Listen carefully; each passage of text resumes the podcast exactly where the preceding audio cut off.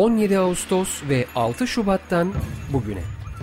Yapılanlar, yapılmayanlar, yapılamayanlar. Kamu kesimi, sivil kesim, bilim insanları depremi tartışıyor. Hayatta kalmak için altın saatler. Hazırlayan ve sunanlar Nuray Aydınoğlu, Elvan Cantekin, Argun Yum, Muzaffer Tunça, Aziz Şasa, Nazan Cömert ve Gürhan Ertür.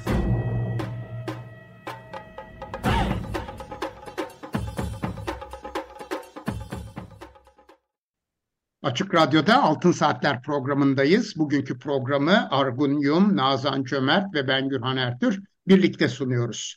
Teknik Masada ise Berke Akmeşe sesimizi sizlere ulaştırıyor.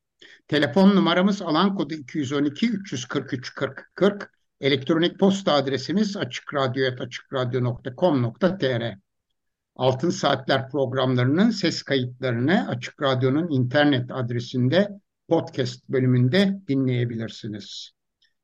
Bugün konuğumuz Şehir Plancıları Odası İstanbul Şube Başkanı Doçent Doktor Pelin Pınar Giritlioğlu. Hatırlayacaksınız e, Pınar Hoca'yla daha önce de geçen e, ay e, bir program yapmıştık ve bu programda bugüne kadar özellikle kentsel dönüşüm ile ilgili çıkarılmış olan kanunların, yönetmeliklerin bir e, özetini e, ele almıştık. E, yani biraz tarihçesine bakmıştık. E, bugün ise gene e, Pelin Pınar Giritli hocamızla birlikte e, bu sefer yeni çıkmakta olan, e, çıkmış olan e, bir kanunu ele alacağız. Ben hemen e, doçent doktor Pelin Pınar Giritlioğlu hocamızı tekrar sizlere tanıtmak istiyorum. İstanbul Üniversitesi Siyasal Bilgiler Fakültesi Kamu Yönetimi ve Siyaset Bilimi Bölümü Kentleşme ve Çevre Sorunları Ana Bilim Dalı öğretim üyesi. Yıldız Teknik Üniversitesi Mimarlık Fakültesi Şehir ve Bölge Planlama Bölümü mezunu. İstanbul Teknik Üniversitesi Mimarlık Fakültesi Mimarlık Bölümü Restorasyon Programı'ndan yüksek lisans derecesini aldı. Doktorasını ise yine Teknik Üniversitesi İstanbul Teknik Üniversitesi'nde Mimarlık Fakültesi Şehir ve Bölge Planlama bölümünde şehir planlama üzerine gerçekleştirdi. Yayınları ve kitapları var. Son kitabı Kentin, Kentin Hukuku Nobel Akademik Yayıncılık'tan Eylül 2023'te yayınlandı. Pınar Hocam hoş geldiniz programımıza. Merhabalar, kusura bakmayın biraz zor bağlandım. Yok, evet bugünlerde e, biraz problem var. E, evet. Maalesef ama yani gene de e, şu anda bir aradayız. Zaten ekranlarımızı da kapattıktan sonra daha şey rahat bir erişim olacaktır diye evet. umut ediyorum. Sizinle son programımızı 25 Ekim tarihinde yapmıştık ve gene konumuz aynıydı. Kentsel dönüşümle ilgili çıkan kanunlar, kararnameler, e, yönetmelikler bizi nereye getiriyor derken o programın sonunda da bahsetmiştik. Afet riski altındaki alanların dönüştürülmesi hakkında kanun ile bazı kanunlarda ve 375 sayılı kanun hükmünde kararnamede değişiklik yapılmasına dairin dair kanun yasalaştı. Onun kısa bir şeyini vermek istiyorum. Ee, bir kanun teklifiydi bu. 20 Ekim tarihinde 108 milletvekili tarafından meclis başkanlığına sunuldu. Komisyonlardan hızla geçti. 7 Kasım'da genel kurulda kabul edildi. 8 Kasım'da Cumhurbaşkanlığına gönderildi. Cumhurbaşkanı aynı gün onayladı ve ertesi gün 9 Kasım günü resmi gazetede yayımlandı. Evet, bu kanunun 10. maddesi ile 6306 sayılı kanunun 6. maddesine eklenen 15. fıkra hükmü yayımı tarihinden itibaren bir yıl sonra yürürlüğe girecek ama diğer bütün hükümleri ise yayımı tarihinde yani 9 Kasım 2023'te yürürlüğe girdi. Evet hocam bu yeni e, değişiklik e, kentsel dönüşüm yasası, afet riski altındaki alanların dönüştürülmesi e, hakkında kanun diye bildiğimiz bu kanundaki yapılan değişiklikler neler götürüyor, neler getiriyor? Bunu e, size danışmak istedik. Tekrar hoş geldiniz. Buyurun. Merhabalar. Merhaba. Şimdi e, kanunun ruhu anlamında baktığımızda aslında çok bir değişiklik yok. Çünkü 6306 sayılı kanun da aslında aynı şimdiki yasa değişikliği gibi e, son derece üstenci, dayatmacı, kamu gücü zorlayarak baskıcı, e, işte yerinden etmelere sebep olan bir anlayışla reysen uygulamalara imkan tanıyan, belediyeleri e, sürecin dışına iten bir anlayışla kurgulanmıştı. E, aslında bu yeni düzenlemede e, kanunun ruhu açısından baktığımızda çok farklı değil. Ama bundan farklı olarak bazı şeyler elbette getiriyor. Daha üstenci, daha da dayatmacı, daha reysen uygulamalara olanak tanıyan, bunları çok hızlı yapan, e, ayağına takılacak her türlü taşı bertaraf edecek şekilde e, bir takım e, engelleri aşmaya yönelik düzenlemeleri getiren bir anlayışla e, yazıldı. E, en önemli değişikliklerden bir tanesi de rezerv alan tanımındaki e, kapsam. Daha önceden işte yerleşik e, yeni yerleşim alanları e, açmak üzere diye bir şey vardı, ifade vardı rezerv alan tanımının içerisinde. E, onu şimdi e, meskun alanları da kapsayacak şekilde genişletti. Yani aslında bakanlığın hareket alanı bu anlamda genişlemiş oldu. E, tabii rezerv alan tanımı ile ilgili şunu söylemek lazım. Tanımı diyoruz ama aslında bir tanımı yok. E, mesela riskli alanla ilgili, riskli yapı ile ilgili az da olsa birkaç bilimsel kriter e, varken rezerv alan özellikle böyle içi boş, bulanık, muğlak bırakılmış durumda. Çünkü bakanlık bunu keyfi kararlar için çok rahatlıkla kullanabiliyor bu haliyle. Ee, şimdi e, bu neyi getirdi? Rezerv alanının e, kapsamının genişlemesi. Kent merkezlerinde de aynı e, çeperlerde olduğu gibi, e, boş alanlarda olduğu gibi e, rezerv alan ilanlarıyla birlikte oradaki hukuki koşullar değişecek. Yeni plan koşulları gelecek. Bu yeni plan koşulları çerçevesinde e, yerinden etmeler ortaya çıkabilecek, dönüşüm projeleri uygulanacak burada. E, insanlar oradan oraya savrulabilecek anlamına geliyor. Bunu yaparken de mülkiyet hakları açısından tartışarak aslında e, en doğru şekilde değerlendirebiliyoruz. Çünkü e, doğrudan mülkiyet hakkı gasplarına sebep olan, mülksüzleştirmelere sebep olan düzenlemeleri de içeriyor. E, örneğin yoksul ve dar gelirliler için e, mülkünün yarısına ortak olabiliyor.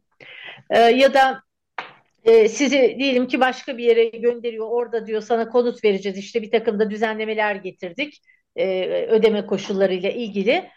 E, sizi borçlandırıyor. Ondan sonra borcunuzu ödeyemezseniz mülkiyetiniz hazineye geçiyor. E, siz bir anda bir zamanlar hani iyi kötü işte bir ev sahibiyken e, riskli de olsa, çürük de olsa bir eviniz varken, bir tapunuz varken birdenbire adeta bir tür sosyal konutta oturma hakkı elde eder hale geliyorsunuz. Ömür boyu oturma hakkı veriyor ama mülkiyet hakkı vermiyor. Siz öldünüz, Allah gecinden versin. Mirasçılarınızla da aynı şekilde oturma hakkı veriyor ama tapu hakkı vermiyor. Dolayısıyla böyle bir çökme halini de içeren bir şeyi getiriyor bu yeni anlayış. Ee, bir de tabii en önemli değişikliklerden bir tanesi de e, şey o 3'te 2 oranının 50 yüzde 50 artı 1 ile e, alınabilir hale getirilmesi kararların. E, Bunu biraz açabilir misiniz hocam? E, efendim? Bunu bu oranları biraz açabilir misiniz? Ee, şimdi dönüşüm alanlarında karar alırken 3'te 2 çoğunluk e, aranıyordu biliyorsunuz. Evet. Şimdi bu oran %50 artı 1 yani salt çoğunluk olarak düzenlendi. Böylelikle de kentsel dönüşüm alanlarında daha da hızlı hareket etmenin yolu açılmış oldu. Ee, şimdi bunun olumlu ya da olumsuz tarafları elbette var. Bir yandan tabii ki dönüşüm süreçlerini hızlandırma adına, e, hızlı yol alma adına doğru gibi görünse de e, aynı zamanda da orada oturan insanların e, e, barınma sorunu çözülmeden apar topar ortada kalmalarına da sebep olacak bir hız e, da geliyor aynı zamanda böyle baktığımızda. E, mesela rezerv alanlarla ilgili şöyle bir düzenleme var. E, daha önceden de aslında e, buna benzer bir şey gelmişti 6306'ya onu da genişletiyor. E, diyelim ki siz gerçek kişisiniz. E, bakanlığa ya da işte kentsel dönüşüm başkanlığına gidiyorsunuz.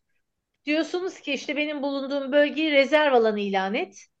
Bunun karşılığında e, devlete komisyon veriyorsunuz. Şöyle yüzde otuzunu alanın ya da bunun karşılığında bir parayı kentsel dönüşüm başkanlığına yatırıyorsunuz. Verdiğiniz bu komisyon karşılığında sizin bulunduğunuz alan rezerv alanı ilan ediliyor. Ondan sonra da burada tabii ki işte imar hakları arttırılıyor. Ayrıcalıklı haklar geliyor. Müthiş bir rant ortaya çıkıyor. Bugün müteahhitler böyle alanlarda yer toplayarak rezerv alanı ilan edilmesi için bakanlığa başvuruda bulunuyorlar. Ya bakanlar komisyon vererek bunu yapıyorlar resmen. Yani yasa yasayla komisyonun yani, oranı da. Efendim?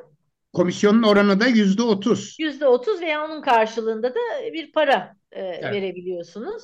Bunu verirseniz bakanlık bir anda rezerv alanıyla. Şimdi yani Allah aşkına böyle bir afetle mücadele yolu dünyanın neresinde var? Yani siz e, gerçekten afete karşı dirençli bir alan mı oluşturmak istiyorsunuz?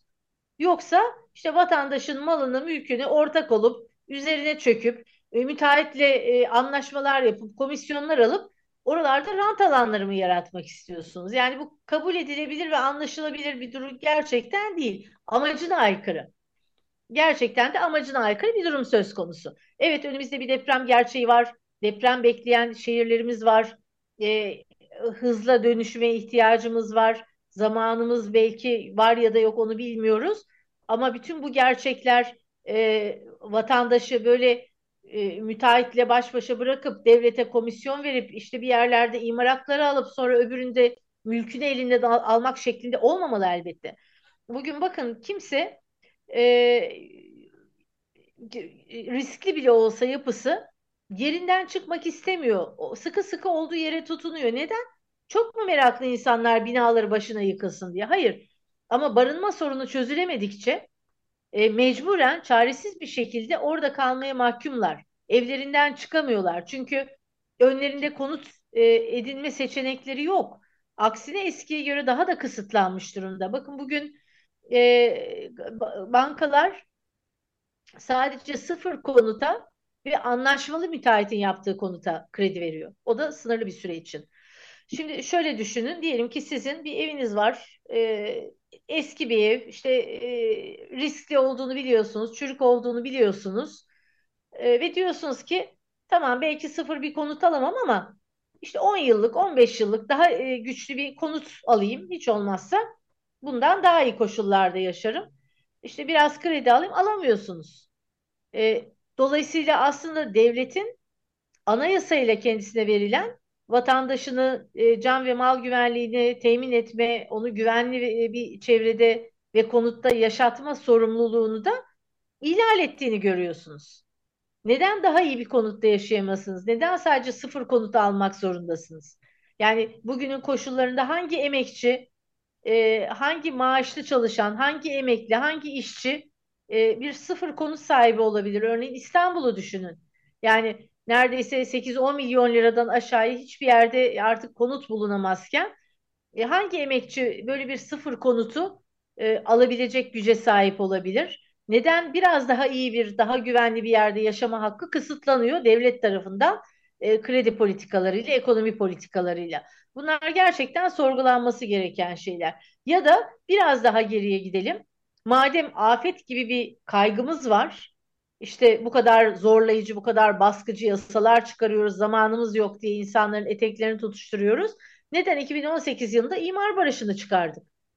Neden yapı kayıt belgeleri dağıttık? Neden 6 Şubat depremlerinde o yapı kayıt belgeleri alan yapılar yerle bir oldu? İçinde milyonlarca e, kişi e, gitti, yaralandı, öldü, hayatını kaybetti. Şimdi e, bir politika varsa onda samimi olmak gerekir gerçekten afetlerle mücadele etmek istiyorsak, afetleri dirençli kentler yaratmak istiyorsak o zaman önce samimi olacağız. Bunları sorgulayacağız. E, bu yeni afete yönelik düzenlemeler ne yazık ki amacına uygun hiçbir e, e, ışık göstermiyor bize. E, aynı 6306'nın kendi ruhunda olduğu gibi yıkıp yeniden yapmayı tanımlayan, yeni rant alanları yaratmayı tanımlayan e, işte gayrimenkul geliştirme projelerini ya, e, yapmanın önünü açan e, yolları tarif ediyor. Bunu yaparken de vatandaşın elini kolunu daha fazla bağlıyor. İşte mülküne çöküyor. E, müteahhite komisyonlar, e, müteahhitten komisyonlar alarak yeni rant alanları yaratıyor filan. E, böyle bir anlayışla gerçekten afete karşı dirençli bir yaşam alanı yaratmak mümkün değil. Bakın 6 Şubat depremlerinden sonra e, bu mesele hep yapı güvenliği boyutuyla da konuşuldu. Ama kimse güvenli yaşam çevrelerinden bahsetmedi. Halbuki biz sadece yapıları yenileyerek e, afete karşı dirençli kentler inşa edemiyoruz. Sizin afet toplanma alanlarınız yoksa, e, afet tahliye yollarınız yoksa, e, planlarla getirilmiş geçici barınma alanlarınız belli değilse, işte altyapı şebekeniz işte yedi büyüklüğünde bir depremde iflas ediyorsa, yollarınız paramparça oluyorsa, sizin sadece güvenli bir yapıda olmanız bu durumu kurtarmıyor, değiştirmiyor. E, ve a, bu yeni yasa düzenlemesi bu anlamda e, güvenli yaşam çevreleri oluşturmaya hizmet edecek bir tek kelime bile, bir tek söz bile etmiyor. Bu gerçekten yasanın sorunlu e, hali.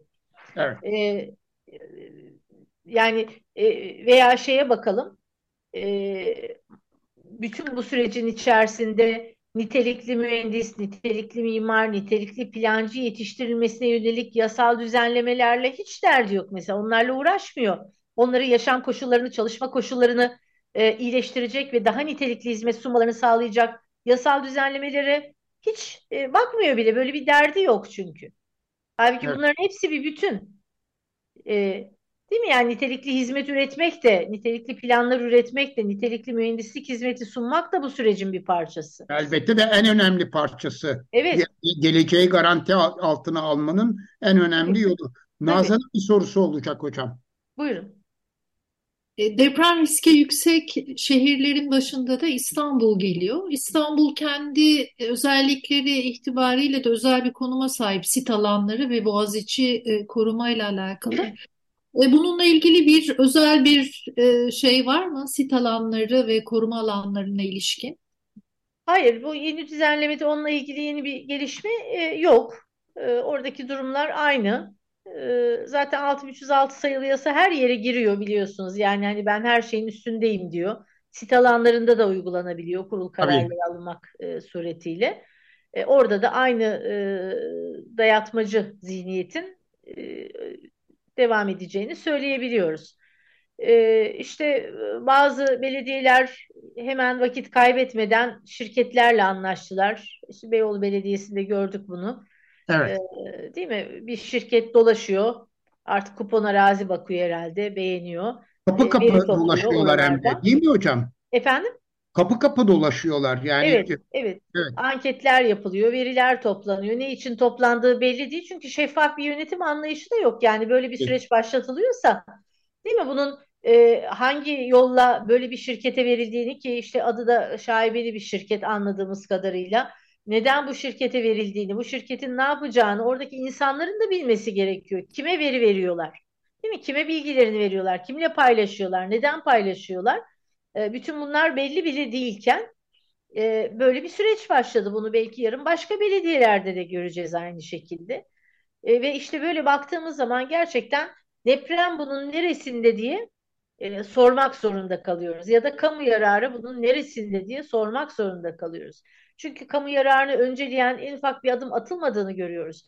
E, yeni konut seçeneklerini e, e ortaya koyacak, yeni konut üretim seçeneklerini çeşitlendirecek, bunları tarif edecek modeller ortaya konmadığını görüyoruz. İşte e, yeni kredi modelleri, yeni finansal modeller ortaya konmadığını görüyoruz. Sadece vatandaşı borçlandırma, borcunu ödeyemezse mülküne çökme üzerine kurulu bir model var burada. Yani bizim okuduğumuz bu kanundan sadece bu.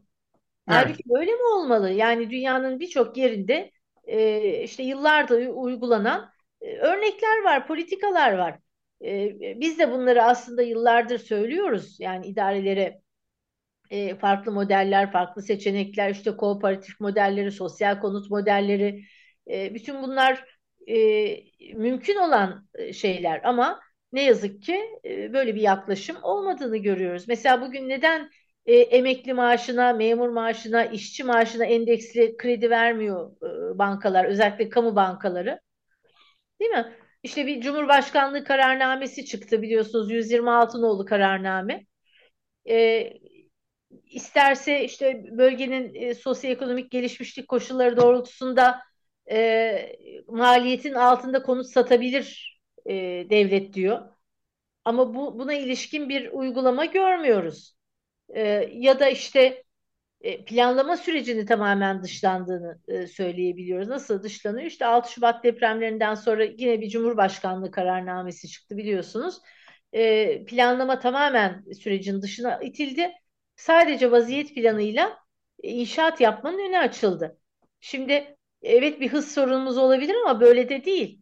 Yani bizi bugüne getiren bu depremlerde bu kadar büyük can ve mal kayıpları e, yaşanmasına sebep olan şey zaten plansızlık değil mi? Ya da hatalı planlar değil mi?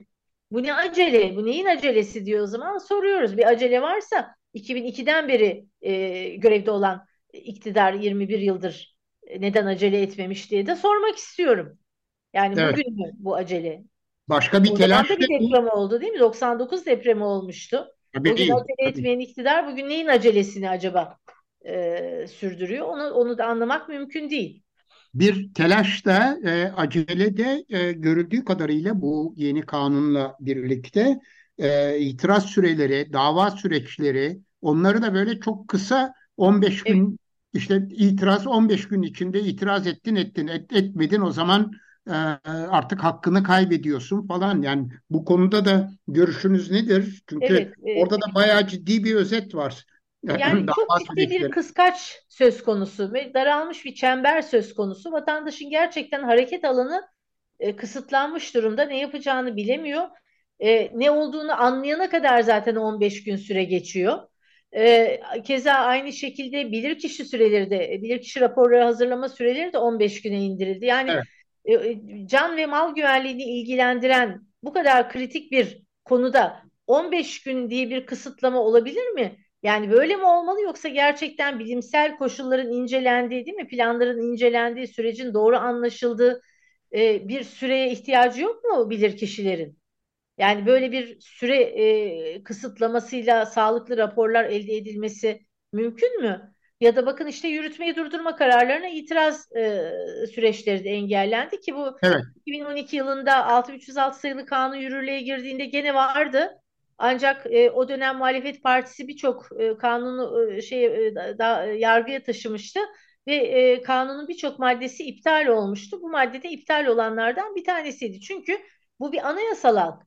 Yani idarenin her türlü eylem ve işlemine karşı e, vatandaşın hakkını arama hakkı vardır. İtiraz etme, dava açma hakkı vardır. E, e, yürütmeyi durdurma kararına itiraz gibi bir şeyin engellenmesi hukuken ve anayasal olarak mümkün değil. Vatandaşın hak arama hakkına e, ve özgürlüğüne e, bir e, şey e, müdahale anlamı taşıyor. E, böyle bir şey hukuken mümkün değil. Bunun da iptal edileceğini düşünüyorum açıkçası ben. Daha önce olduğu gibi. Ama işte ne zaman olur, o sürede neler e, kaçırılır, telafisi imkansız nasıl zararlar ortaya çıkar, e, bunları şimdiden kestirmek mümkün değil tabii ki. Odanızın bu konuda her taraftan bir, bir e, telaş, e, bir acele ve o aceleye getirilmiş hatalı kararlar silsilesi önümüzde bizi bekliyor gibi görünüyor. Evet, bu kanunun e, iptaline ilişkin bir başvurunuz ol, oldu mu veya olacak mı? E, e bizim Pınar hocam? yani yürürlüğe giren yasalara sadece ana muhalefet partileri dava Partisi, açabiliyorlar. Evet. E, biz görüşlerimizi tabii basınla, kamuoyuyla paylaşıyoruz. E, gerekirse bu konuda desteği de her türlü desteği de vermeye hazırız ama davayı açacak olan e, ana muhalefet partileridir. Böyle bir evet. Onlardan size herhangi bir başvuru geldi mi? Ee, Tabii Cumhuriyet Halk Partisi'ni kastediyoruz. Bildiğim kadarıyla şu anda yok. Şu anda yok. Evet. evet. Onlar da seçimlerini yeni tamamladılar. Evet. Kurultaylarını gerçekleştirdiler. Evet. E, bu e, bu konuda e, siyasi partilerin ana muhalefet partisinin herhangi bir dava açma, açabilmesi için bir süre söz konusu mu? E, tabii dava açma süreleri kanunda belirlenmiştir. Ben o süre içerisinde açılacağını e, düşünüyorum. Evet. E, göreceğiz tabii hep beraber. Çünkü gerçekten bu kadar anayasal hakkı, mülkiyet hakkını, konut dokunulmazlığını hakkını, e, temel yaşam hakkını ortadan kaldıran bir yasanın e, hukuken e, sağlıklı sonuçlar verebileceğini düşünmüyorum. Bakın yaşam hakkını dedim.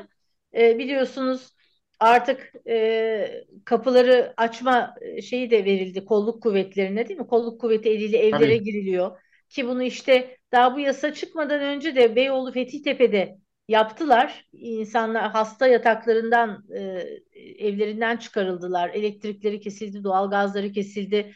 Öğrenciler bir hafta sonra üniversite sınavına girecekti. Elektrikleri kesildi e, bu insanlar ve temel yaşam haklarına müdahale edildi. E, şimdi bu yasal olarak da e, tamamen mümkün hale getirildi. Daha önceden halbuki böyle bir anayasa mahkemesi kararı var bunun yapılamayacağına dair. Hatta başka bir karar daha var. Onda da diyor ki o eski bir karardır. E, devlet diyor ekonomik ve sosyal alandaki sorumluluklarını yerine getirirken, ödevlerini yerine getirirken yaşam hakkına müdahale eden davranışlarda bulunamaz. Ee, burada tam olarak böyle bir durum var. Yani insanların yaşam hakkı elinden alınıyor, mülkiyet hakkı elinden alınıyor, konut dokunulmazlığı hakkı elinden alınıyor. Mülkiyete ve konutuna insanların sadece kamu yararıyla dokunulabilir.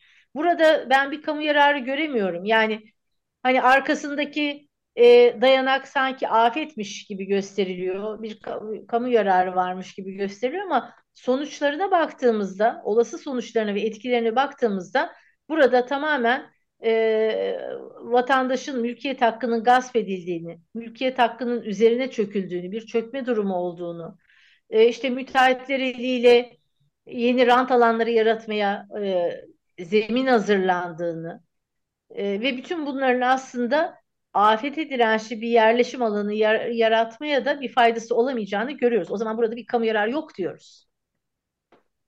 Evet, e, bir küçük ara verelim, müzik parçamızı dinleyelim. Müziğimizi gene Berke arkadaşımız seçti. Charlie Parker'dan dinliyoruz. Açık Radyo'dayız. Altın Saatler programının ikinci bölümündeyiz. Bugün konuğumuz Şehir Plancıları Odası İstanbul Şube Başkanı Doçent Doktor Pelin Pınar Giritlioğlu hocamız. Evet hocam yani şimdi e, hemen şunu sormak istiyorum. Biraz e, karıştı gibi görünüyor. 6306 sayılı kanun var. Onda değişiklikler yapan, diğer bazı kanunlarda da değişiklik yapan bu yeni 7471 sayılı kanun var. Şimdi biz kentsel dönüşümle ilgili kanun dediğimiz zaman bunların hepsini birlikte mi ele alıyoruz? Nasıl oluyor? Burada da bir karışıklık yok, yok mu? Evet, e, yani e, tabii işte hem 6306'da değişiklik var hem kanun hükmünde kararnamede değişiklik var filan. E, ama işte bütün bunları bir bütün olarak okumak lazım. Yani niyeti okumak için ee, evet. Her birinde yapılan değişikliği birlikte değerlendirmek, hani birlikte bir fotoğraf çekmek gerekiyor. İşte o fotoğrafı çektiğimizde de gerçekten burada bir kamu yararı, işte afete karşı dirençli kentler oluşturma konusunda bir mücadele, bir niyet, bir iyi niyet e, filan görmek ne yazık ki mümkün olmuyor. Çünkü az önce de söylediğim gibi e, bir mülksüzleştirme sürecinin, bir mülkiyet hakkı gaspının e, açık bir şekilde önünün açıldığına tanık oluyoruz. E, ve bununla kalmıyor işte e, demin konuşmadığımız başka şeyler de var. Mesela yerel yönetimlerin bu süreçteki rolü e, ne evet. olduğu gibi. E, aslında 6306 sayılı kanun zaten yerel yönetimleri bayağı bir dışlamıştı bu sürecin içerisinden. Halbuki, Devreden çıkartmıştı. Evet, Doğru. halbuki belediye kanunu gereği 73. maddesi gereği belediyelerin de kentsel dönüşüm alanlarında yetkisi var e, dönüşüm yapabiliyorlar. İşte ilçe belediyeleri, büyükşehir belediyesi onay verirse, uygun görürse yapabiliyor. E, TOKİ e, kanundan gelen işte TOKİ'de yetki vardı. TOKİ işte bakanlığın içine girdi. Bakanlıkta zaten bu yetki var filan. Aslında her kurumda yetki var ama e, hem işte 6306 sayılı kanun hem de bu yeni getirilen düzenlemelerle birlikte yerel yönetimler bu sürecin içerisinden tamamen dışlandı. E, şimdi e, yeni kanun kapsamında bir de özel bütçeli idare kuruldu. Kentsel Dönüşüm Başkanlığı adında. Onun içi nasıl olacak bilmiyoruz. Yani nasıl kurgulanacak? İçinde e, hangi meslek gruplarından e, görevliler olacak falan. Bunları tabii daha bilemiyoruz. Marmara bölgesi için bir tane kuruldu. bunların içinde kuruldu mu Marmara var? bölgesi? Efendim?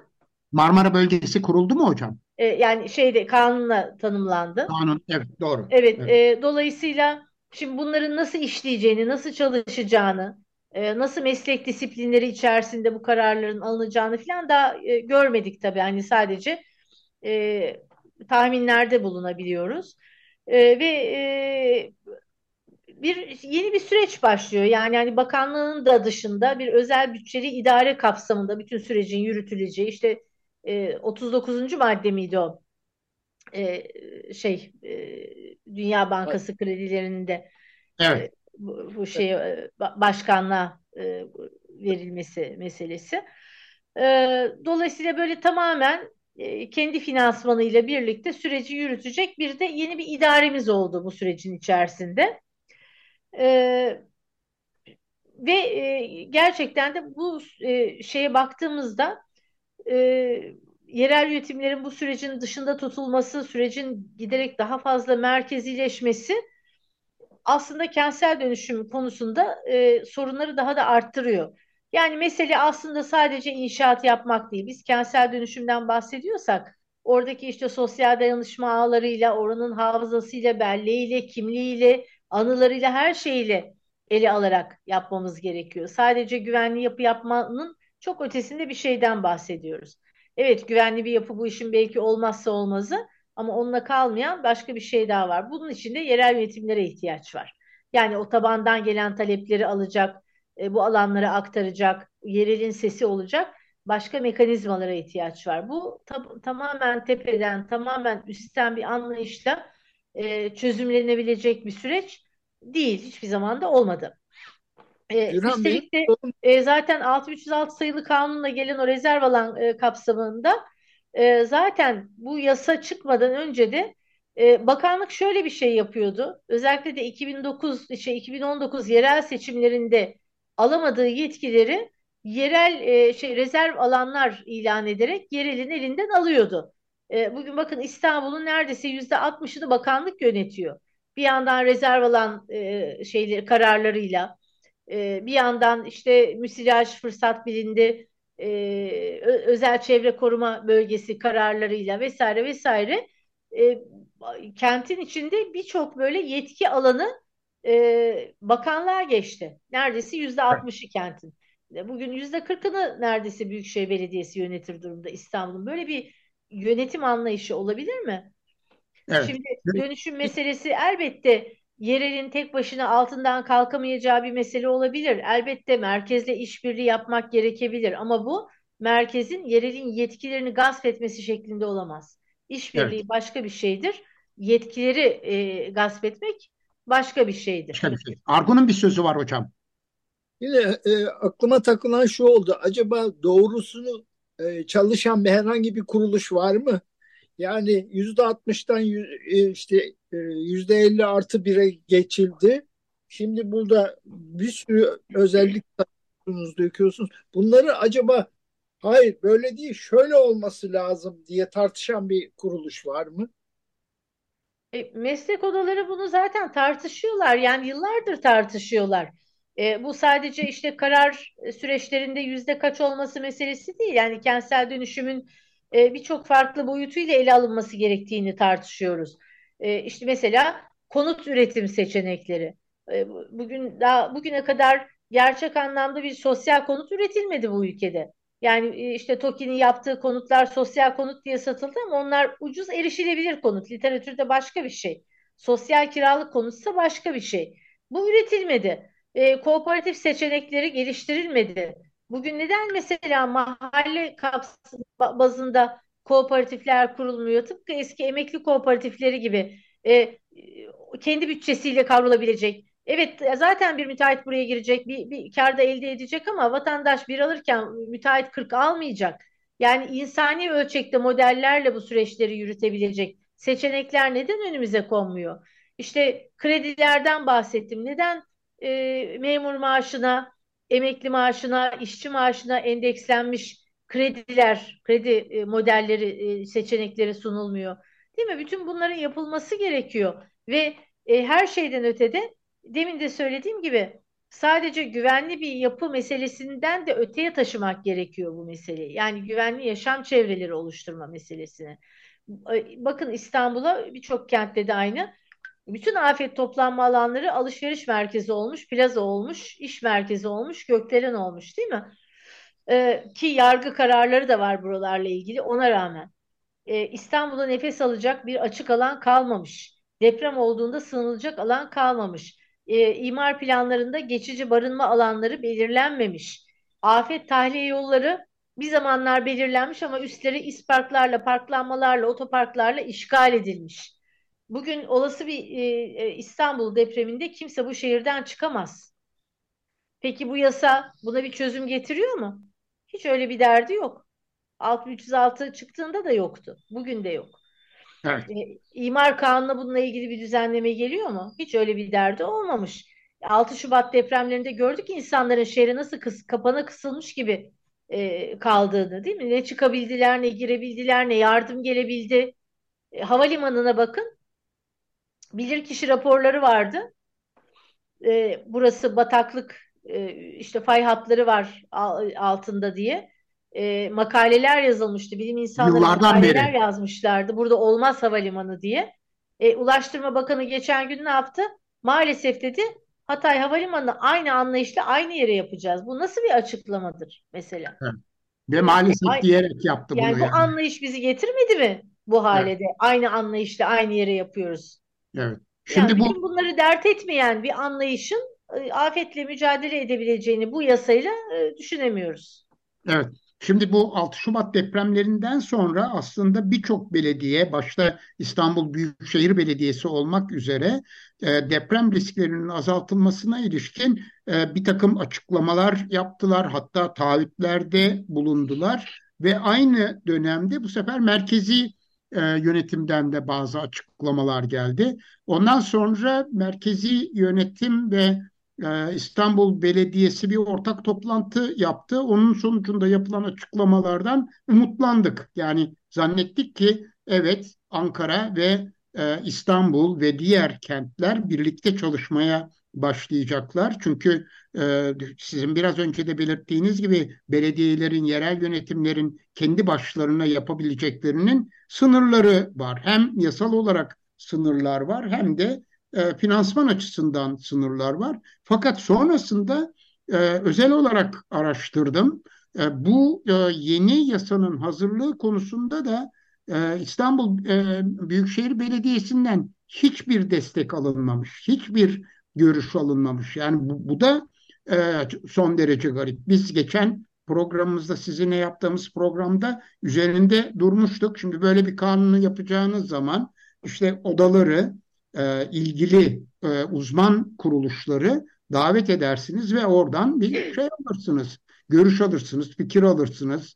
Evet odalar e, görüşlerini senelerden beri açıklıyorlar. Ne yapılması gerektiğini belirtiyorlar ama hazır böyle bir şey varken e, herkesi katacağınız bir olanak var bu. Fakat zaten süreden belli e, Pınar Hocam yani e, 20 Ekim'de e, bu bir teklif olarak şeye sunuluyor, e, meclise sunuluyor. Programın en başında e, tarihleri vermiştim ve 20 gün sonra resmi gazetede yayınlanıyor. Geçmiş evet, olsun. Yani 20 gün içinde neyi tartışacaksınız? Bütün bunlardan sonra İstanbul Büyükşehir Belediyesi'nin daha önce e, yapmış olduğu açıklamalar, yürüteceği faaliyetlerle ilgili e, bilgiler şu anda bu yeni değişikliklerle birlikte bütünüyle devreden çıkıyor mu yoksa hala yerel yönetimlerin o yüzde 40 içinde o yüzde 40 bile tabii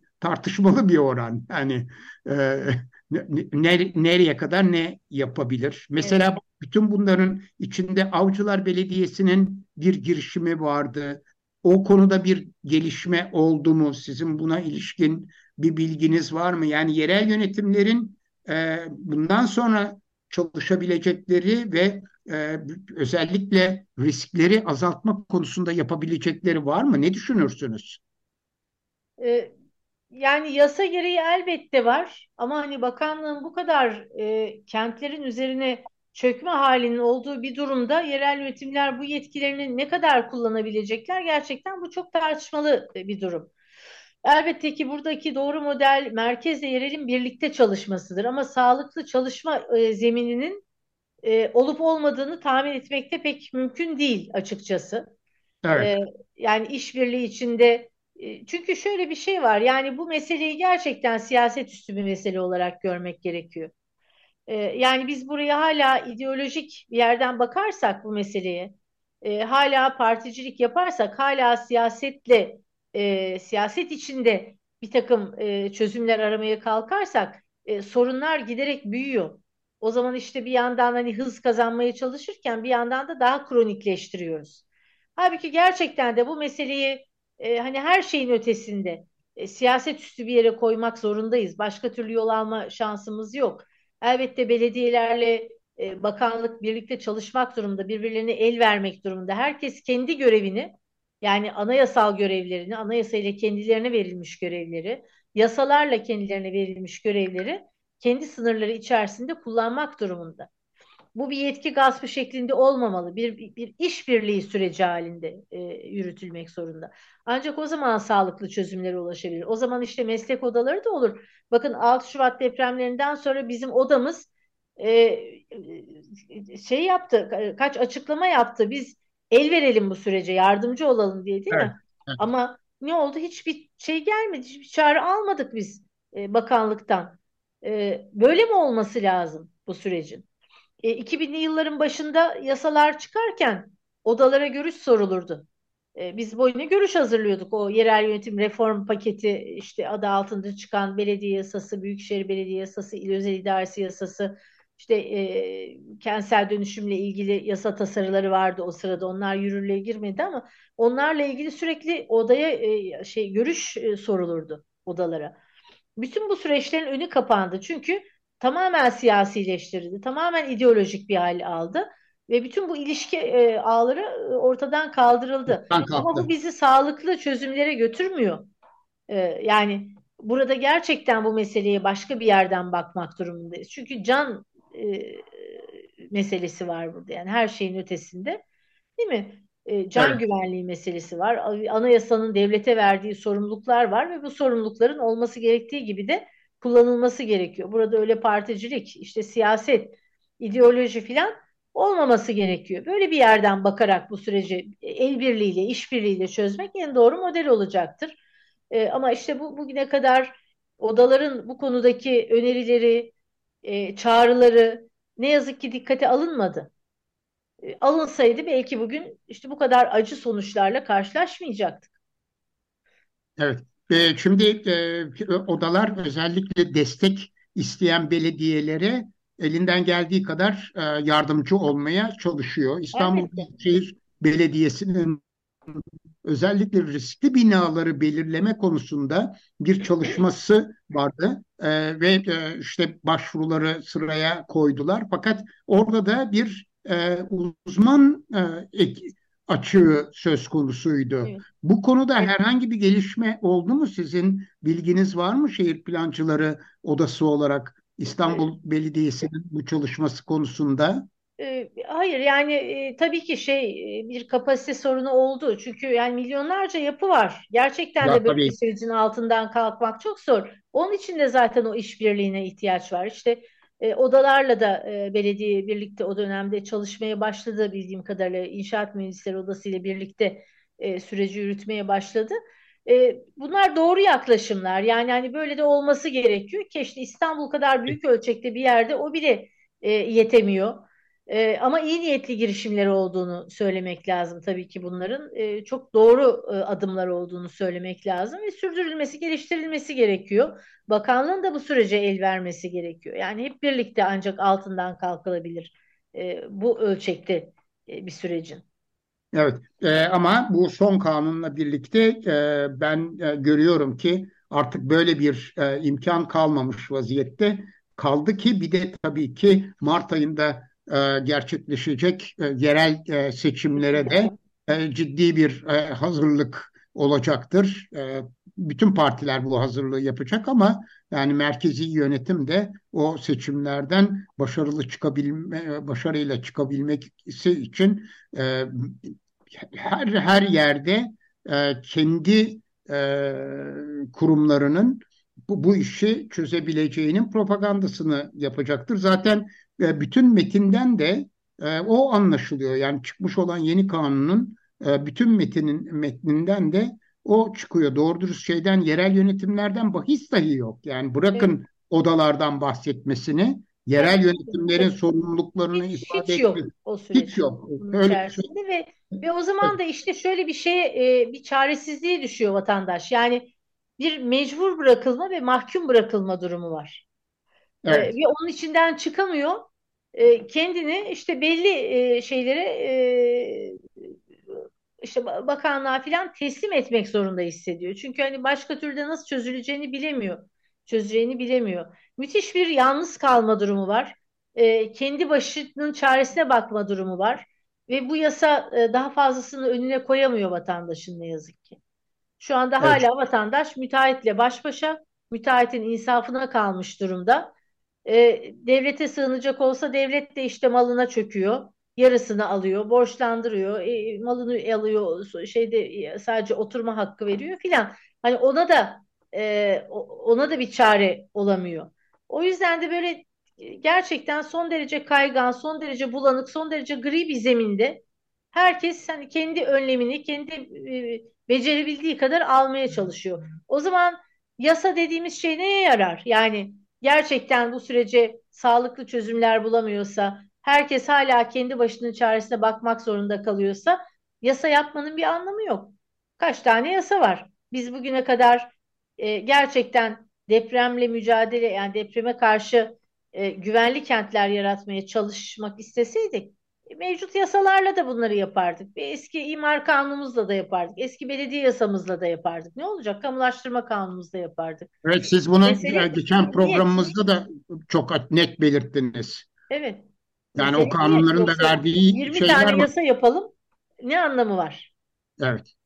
Şimdi hocam bu e, kanunla ilgili birbirinden farklı iki şeyle karşılaştık diye düşünüyorum. Yani en azından benim okuyabildiğim, inceleyebildiğim kadarıyla. Birincisi e, bazı yazarlar e, işte emsal artışı sağlanacak hiç merak edilmesin katlar e, arttırılacak böylelikle e, müteahhitlere e, bir para ödemek e, zorunluluğu ortadan kalkacak e, gibi bir takım açıklamalar yapıldı. Bunun e, tam tersi noktalarda da risk taşımayan e, binalara bile el konulabileceği e, şeklinde açıklamalar evet. yapıldı. Evet. Şimdi bunlar konusundaki düşünceniz nedir? Çünkü bir emsal artışı vesaire falan e, o tabii ki çok daha riskli bir alana açılış getirecek ama kanunda da öyle bir şey görmedim ben benim e, Kanunda yok böyle bir şey. Olması da doğru değil. Şimdi bakın. Tabii. Tabii herkes kendi e, perspektifinden ve penceresinden bakıyor. Vatandaş da diyor ki ya bize bir kat verirse işimiz çözülecek. Evet. Fakat mesele böyle değil. Şimdi biz plancıyız. Bir meseleye bu kadar noktasal bakamıyoruz. Ee, İstanbul genelinde düşünsenize İstanbul'daki bu kadar ilçeyi, bu kadar milyonlarca yapıyı, her birine birer kat verilmesinin İstanbul üzerine getireceği yeni yükleri, e, yaşam kalitesini nasıl etkileyeceğini, trafik yükünün daha kat ve kat nasıl artacağını, e, zaten dip dibe yoğun olan o yapılaşmanın e, daha da fazla yoğunlaşacağını, insan kalabalığını, yükünü, işte e, kamusal hizmetlerden alacağınız payın giderek azalacağını değil mi? Bugün işte hastanede 3 saat sıra bekliyorsanız yarın 5 saat sıra bekleyeceksiniz. Tabii. Tabii. Değil mi? O çocuklarınız 60 kişilik sınıfta okuyorsa yarın 75 kişilik sınıfta okuyacak. Yani Aynen biz depreme karşı güvende olalım derken aslında bütün yaşam kalitemizden de fedakarlık edeceğiz anlamına geliyor. O sadece artı bir kat dediğiniz mesele. E, vatandaş tabii bunun çok farkında değil. O sadece güvenli bir yapıya kavuşmak istiyor. Haklı olarak öyle bakıyor. E, bunu düşünmek vatandaşın görevi değil. Bunu düşünmek idarelerin görevi. O yüzden de artı bir kat her şeye çözüm anlamına gelmiyor. Yeni sorunlar anlamına geliyor bir yandan. Tabii.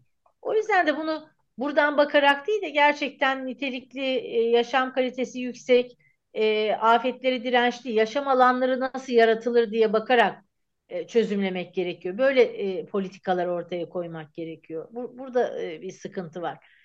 Ee, şeyde e, ayrıca emsal artışı konusunda Fikirtepe'de yaşananları da e, biliyoruz daha tarihi olmadı Evet, yani evet, büyük evet bir tabii. kargaşaya yol Evet. açtı.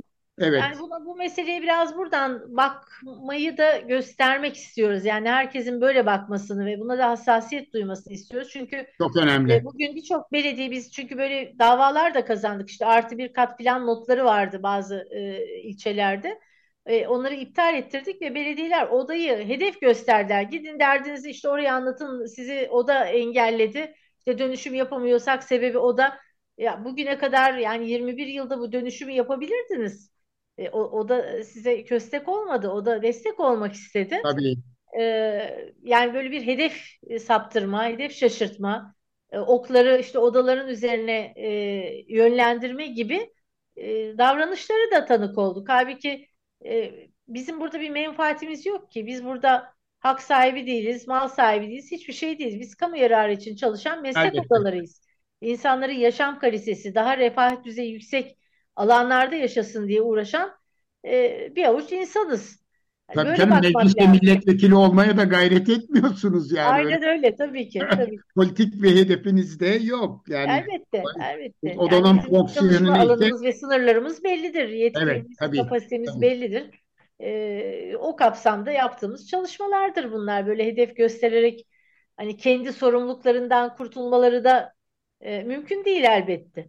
Evet. Bir diğer sorum da bu risk taşımayan e, binalarla ilgili e, de e, bir takım şeyler söylendi, yazıldı, çizildi. E, o konudaki görüşünüz O nedir? şöyle işte rezerv alanlar içinde, riskli alanlar içinde kanun zaten onu söylüyordu. Yani bu yeni önce de vardı. değil 6306 söylüyordu. Bu alanların hepsini e, o alan e, şeyin içine katabiliyor. Projelerin içine kap- katabiliyor. İsterse Evet, yıkabiliyor. E, bütün bunları zaten hani ye- yeni düzenleme olmadan da e, olanak tanıyordu 6306 sayılı kanun. Devam ediyor. Aynı şekilde canı isterse işte tamamen yeni yapılmış, deprem riski olmayan e, bir yapıyı da yıkabiliyor proje kapsamında uygun görmeyerek. E, işte kazanılmış haklar var ama işte onları da ortadan kaldırıyor. Bütün bunlara olanak veriyor zaten. Yani 6306'nın kendisi böyle bir kanun. Evet. Hocam belki son soru olarak şunu e, yanıtla, yanıtlayabilirsiniz ve biraz zor bir soru gerçi ama e, sonuç olarak e, şu anda e, binasının riskli olduğunu düşünen vatandaşlara bütün bu çerçeve içinde söylemek istediğiniz birkaç cümleyi de e, almak isteriz. Evet, e, bir kere şunu söylemek e, çok doğru olacaktır. E, acele ederek, telaş ederek hatalı adımlar atmamaları gerekiyor. E, bir kere önce bulundukları bölgedeki imar planlarını ve bu plan kapsamındaki kendi haklarını öğrenmeleri gerekiyor. Çünkü böyle çok örnek gördük. Bir telaşla binalarını yıktılar, bir daha yapamadılar. Çünkü işte aynı imar haklarının olmadığını fark ettiler ama sonradan Evet. fark ettiler. Ve çözümsüzlüğe gitti. O yüzden önce ilk adımda belediyelerine gidecekler. E, kendi binaları e, oradaki imar planlarında hangi haklara, imar haklarına sahip, alanları nerede kalıyor? Bütün bunları öğrenecekler. Ondan sonra güvenilir bir işte e, firmayla mı çalışırlar, kendileri mi yaptırırlar? E, oradaki yol artık kendilerine e, kalmış durumda tabii. Kalmış. Belediyeyle mi anlaşırlar, bakanlıkla mı anlaşırlar? İşte oradaki koşullar neye olanak tanıyor? Ada bazında dönüşüme mi, tek yapı ölçeğinde mi? Bütün bu koşulları öğrenmeden adım atmamaları ve mutlaka bir avukatsa da e, avukatı da e, bu süreçte yanlarında bulundurmaları e, ve danışmanlık almaları mutlaka çok önemli. Meslek odalarına danışmaları çok önemli. Mutlaka hani bu hakları konusunda, atacakları adımlar konusunda ve işte mühendislik hizmetleriyle ilgili soracakları şeyler konusunda işte inşaat mühendisleri odasına, mimarlar odasına, şehir plancıları odasına e, mutlaka başvurmaları, hani süreci birlikte e, götürmelerini tavsiye etmek isterim. Çok çok teşekkürler hocam. Verdiğiniz Ben bilgiler, yaptığınız değerlendirmeler için sağ olunuz. Evet, bugün e, Altın Saatler programında konuğumuz Şehir Plancıları Odası İstanbul Şube Başkanı Doçent Doktor Pelin Pınar Giritlioğlu hocamız idi. Gelecek hafta yeni bir Altın Saatler programında görüşmek dileğiyle. Hoşçakalın.